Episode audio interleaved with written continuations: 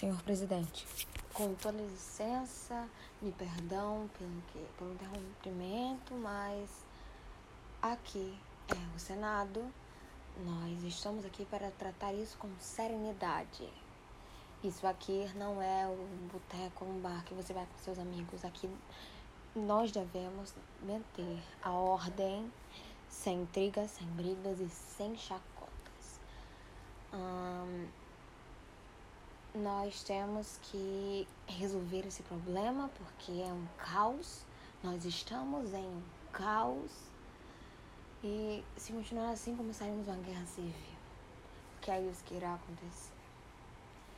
Nós, infelizmente, cometemos o mesmo erro que aconteceu alguns anos passados, no caso de Collor, era o presidente, né? Que ele sofreu impeachment. Não foi o que aconteceu aqui, mas como o povo nos elegeu. Nós devemos tratar disso sem nos importar com qual partido será favorecido, ok? Eu, eu suponho que os senhores e senhoras querem o mais cedo ir à casa, né? Porque o Senado atual é isso que deseja, né? E não é isso que irá acontecer, porque esses problemas possivelmente levará no mínimo duas horas.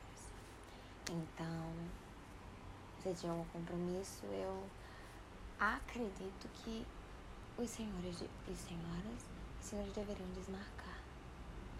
Por favor, obrigado. E podemos continuar a tratar sobre esse assunto que é o caso do coronavírus e a falta de eficácia dos protocolos sugeridos pelo presidente Jair Messias Bolsonaro.